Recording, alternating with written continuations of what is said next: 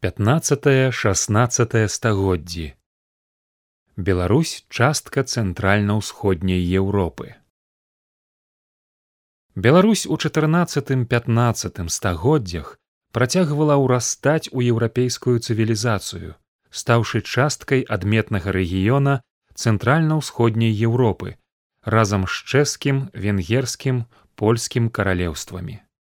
У пачатку 15 стагоддзя вялікі князь вітаўт закончыў палітычнае аб'яднанне беларускіх земляў, далучыўшы да вялікага княства літоўскага смаленскую зямлю сёння ў складзе рассеі. Вітаўт да таго ж умацаваў цэнтральную ўладу ў дзяржаве праз ліквідацыю буйных удзельных княстваў, створаных яшчэ ягоным дзедам гедымінам некаторыя з гэтых княстваў мелі памеры з добрую еўрапейскую краіну а іх уладары як прыналежныя да роду гедыміна маглі законна прэтэндаваць на найвышэйшую пасаду і неаднойчы бунтавалі супраць вялікага князя. Вітаўт рознымі спосабамі выдаліў іх з буйных удзелаў замяніўшы звыклымі баярамі намеснікамі якія не маглі нават марыць пра саперніцтва з гаспадаром іх кар'ера цалкам залежала ад ласкі вялікага князя. Такім чынам вітаўт запачаткаваў працэс узнікнення новай арыстакратыі пад назвай паны, якая паступова выцесніла старую княжацкую. Значную частку сярод выбраных вітаўтам давераных баяр складалі выхадцы з балцкіх земляў, у тым ліку з нядаўна далучанай жамойці у 1422 годзе якія не мелі палітычнай апоры ў літве. Літувійскія гісторыкі спрабуюць на гэтай падставе сцвердзіць літувійскі этнічны характар вялікага княства літоўскага. Аднак гістарычныя факты сведчаць: па-першае, новая арыстакратыя хутка абеларушвалася. Па-другое, літувійская мова не мела ў дзяржаве афіцыйнага статусу і да сярэдзіны 16 стагоддзя не ведала пісьменнасці па-трэцяе літувісы агулам складалі ў вялікім княстве літоўскім менш за дзесятьсоткаў насельніцтва. Пры князю вітаўце вялікае княства літоўскае дасягнула зеніту магутнасці і стала наймацнейшай дзяржавай ва ўсходняй еўропе. Некаторыя гісторыкі не без падстаў называюць літву вітаўта імперыяй. Рыхтавалася пераўтварэнне вялікага княства ў каралеўства але перад самай каранацыяй вітаўт памёр ва ўзросце восьмидесяти гадоў. Агромністая шматнацыянальная дзяржава лучыла акрамя сённяшняй беларусі літуву большую частку ўкраіны і заходнія вобласці рассеі арганізацыя дзяржаўнай улады вялікага княства літоўскага наследавала ўзоры мясцовых беларускіх княстваў а афіцыйнай мовай стала беларуская стара беларуская акрамя беларусаў украінцаў літувісаў у краіне існавалі анклавы немцаў у асноўным у заходніх гарадах габрэяў з'явіліся ў беларусі ў канцы чатырнаццатого пятнаццатым стагоддзях татараў лічылася што іх прывёў вітаўт з крыма маскавітаў перасяленцаў з расійскіх земляў. Габрэі прыходзілі з польшчы і германіі спавядалі пераважна артадаксальны іудаізм вялікі князь александр ягайлавіч зрабіў спробу выдаліць габрэяў з дзяржавы выдаўшы ў 1495 годзе прывілей аб іх выгнанні. Але ўжо ў 1503 годзе новым прывілеем распарадзіўся паклікаць іх назад і вярнуць канфіскаваную маёмасць. Татарскія абшчыны сфармаваліся ў гістарычнай літве і палесе значныя па колькасці ў гарадах і ваколіцах менска слуцка гародні ашмян наваградка іўя давыд гарадка татары былі мусульманамі сунітамі. Габрэйскія і татарскія абшчыны мелі адміністрацыйна рэлігійную аўтаномію. Афіцыйна атрымалі аўтаномію таксама вандроўныя супольнасці цыганоў якія з'явіліся ў беларусі ў пятнаццатым стагоддзі здаўна ў беларусі сяліліся палякі найперш у прымежных раёнах. Польская шляхта шукала службы ў вялікіх князёў і магнатаў. У заходняй беларусі і сёння шмат паселішчаў і прозвішчаў звязаных з польскімі мігрантамі. Напрыклад ляхавічы мазуры.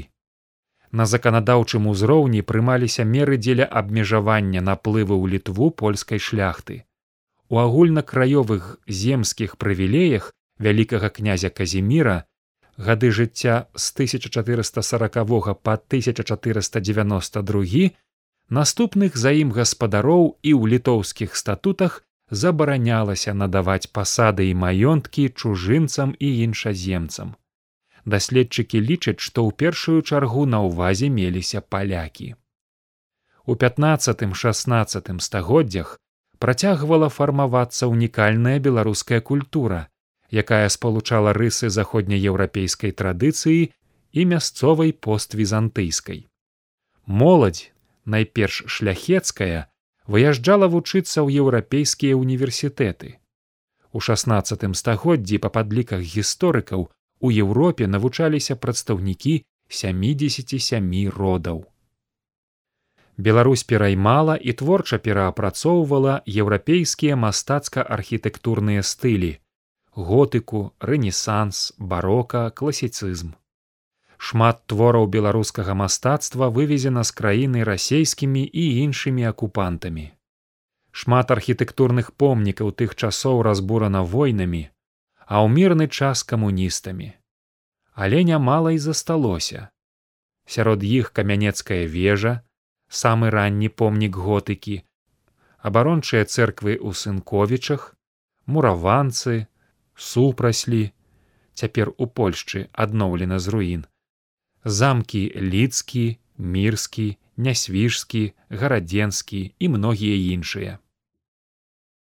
Даследчыкі нездарма называюць 15 16 стагоддзі залатым векам беларусі у гэты перыяд беларуская культура дамінавала ў дзяржаве.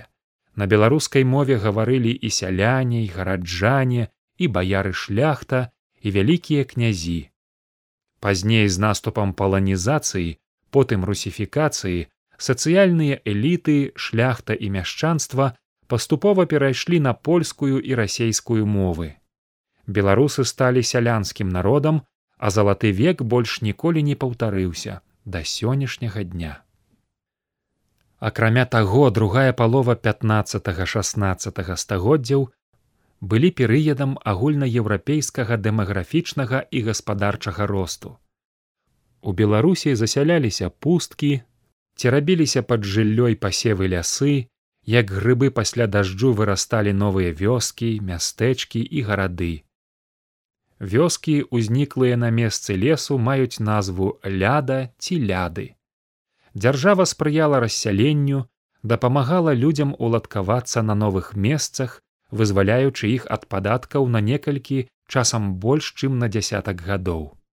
Сённяшнія вёскі з назвай воля якраз тыя вызваленыя ад падаткаў паселішчы залатога веку беларускую мову пераймалі прымежныя раёны суседніх неславянскіх краін літувы і латвіі.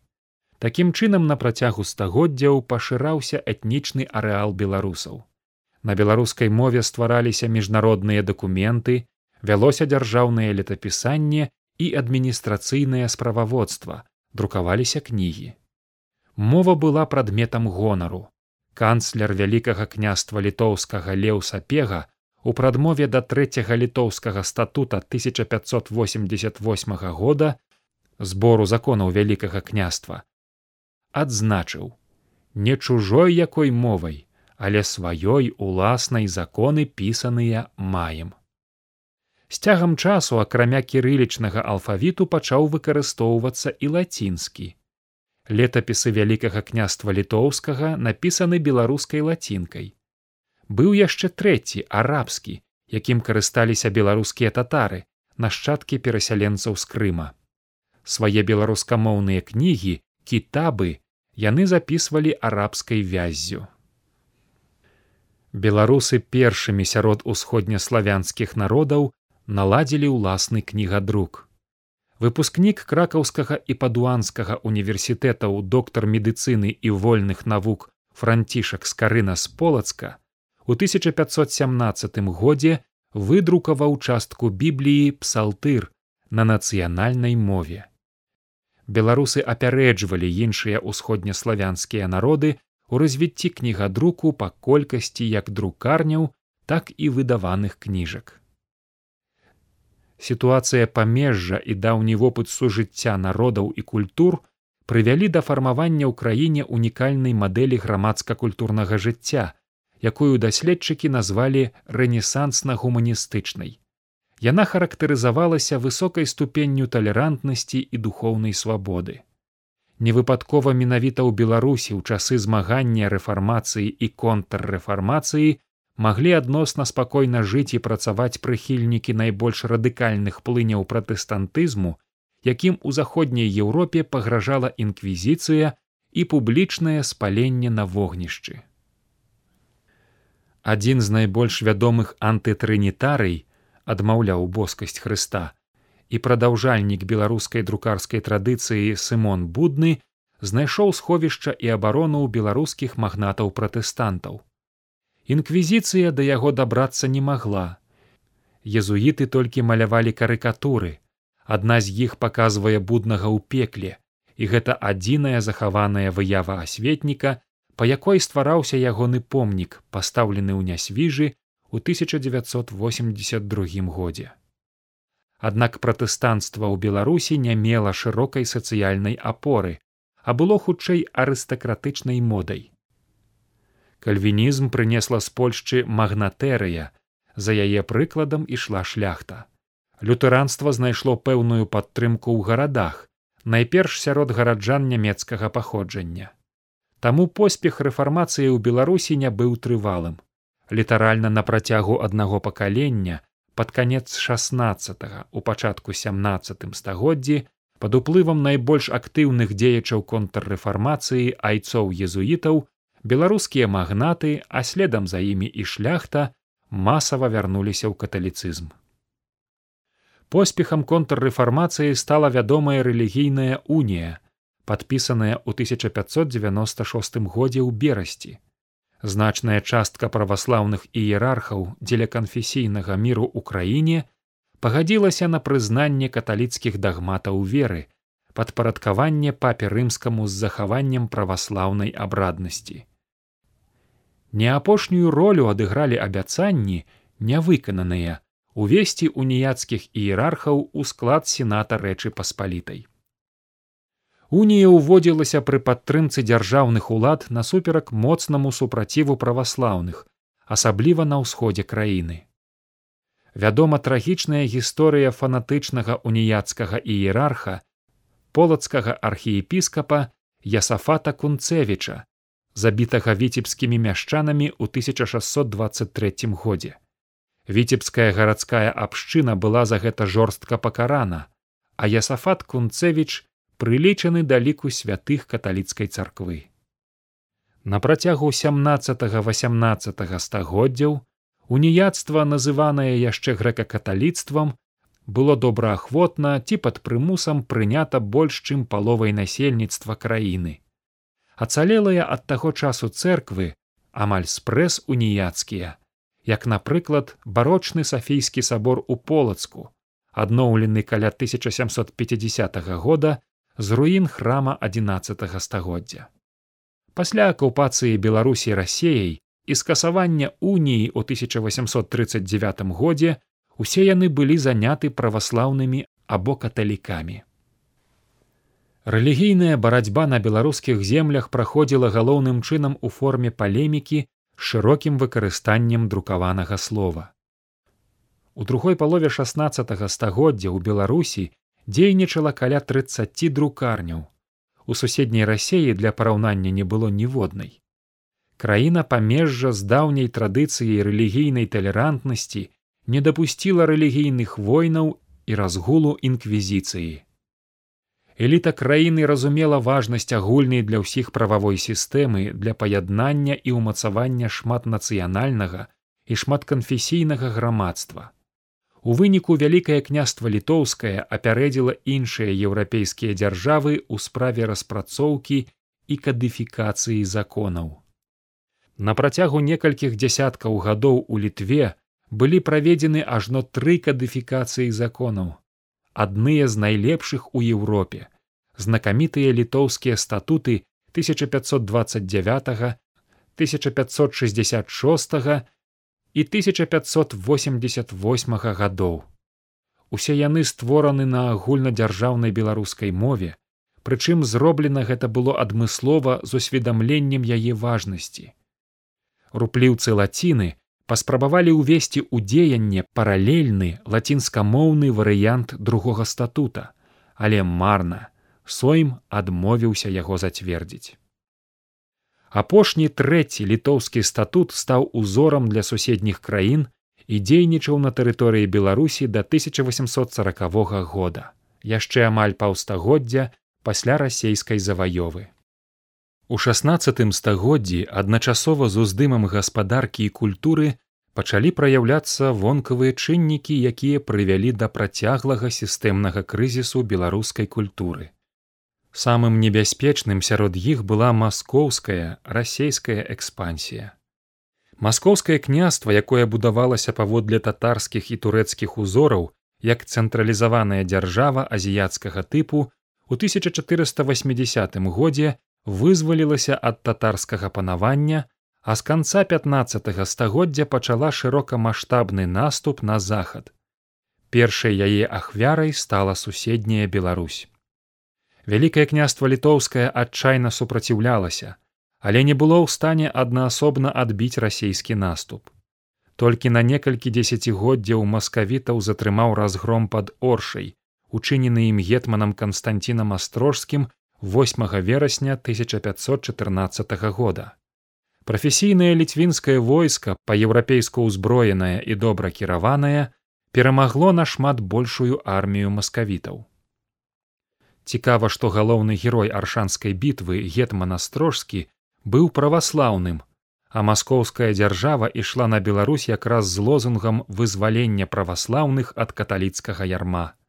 Гетман астрожскі зразумеў і адчуў розніцу між праваслаўнымі маскоўцамі і праваслаўнымі русінамі ў літве калі некалькі гадоў знаходзіўся ў маскоўскім палоне. Аршанская перамога шырокім рэхам разнеслася па еўропе пра яе складалі песні і балады а ў беларусі пасля вяртання незалежнасці з пачатку 1990-х гадоў замацавалася традыцыя адзначаць 8 верасня як дзень беларускай вайсковай славы. Тым не менш у выніку першай серыі маскоўскіх войнаў між 1492 і 1537 гадамі вялікае княства літоўскае страціла на карысць Масквы каля адной траціны дзяржаўнай тэрыторыі.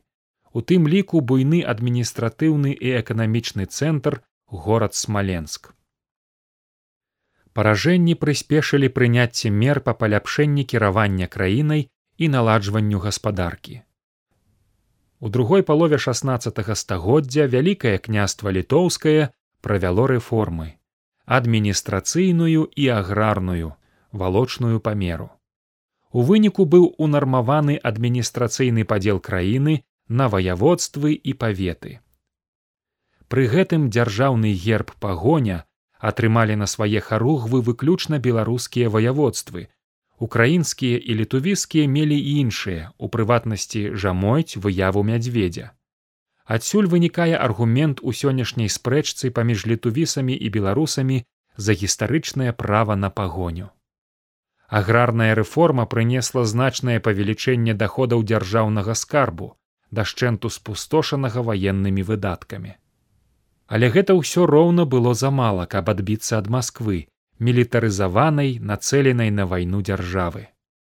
Шукаючы выйсце з цяжкага становішча вялікае княства літоўскае пагадзілася на саюз з польскім каралеўствам. І ў выніку люблінскай уніі 1569 года была створаная агульная дзяржава рэч паспалітая яшчэ ў ходзе перамоў пра унію польшча скарыстаўшыся цяжкай знешнепалітычнай сітуацыяй літвы забрала ў яе ўкраіну і падляшша. Рэч паспалітая стрымлівала націск москвы яшчэ два стагоддзі але для беларушчыны ў гэтай дзяржаве надышлі цяжкія часы. Пачаўся сістэмны крызіс беларускай культуры Ён крыўся ў паступовай паланізацыі сацыяльных эліт, арыстакратыі і мяшчанства. Беларуская шляхта, прыхільнік польскай мадэлі шляхецкай дэмакратыі, пачала пераймаць разам з яе залатымі вольнасцямі польскую мову, культуру і ўрэшце ўжо ў канцы 19 пачатку два стагоддзя нацыянальную свядомасць.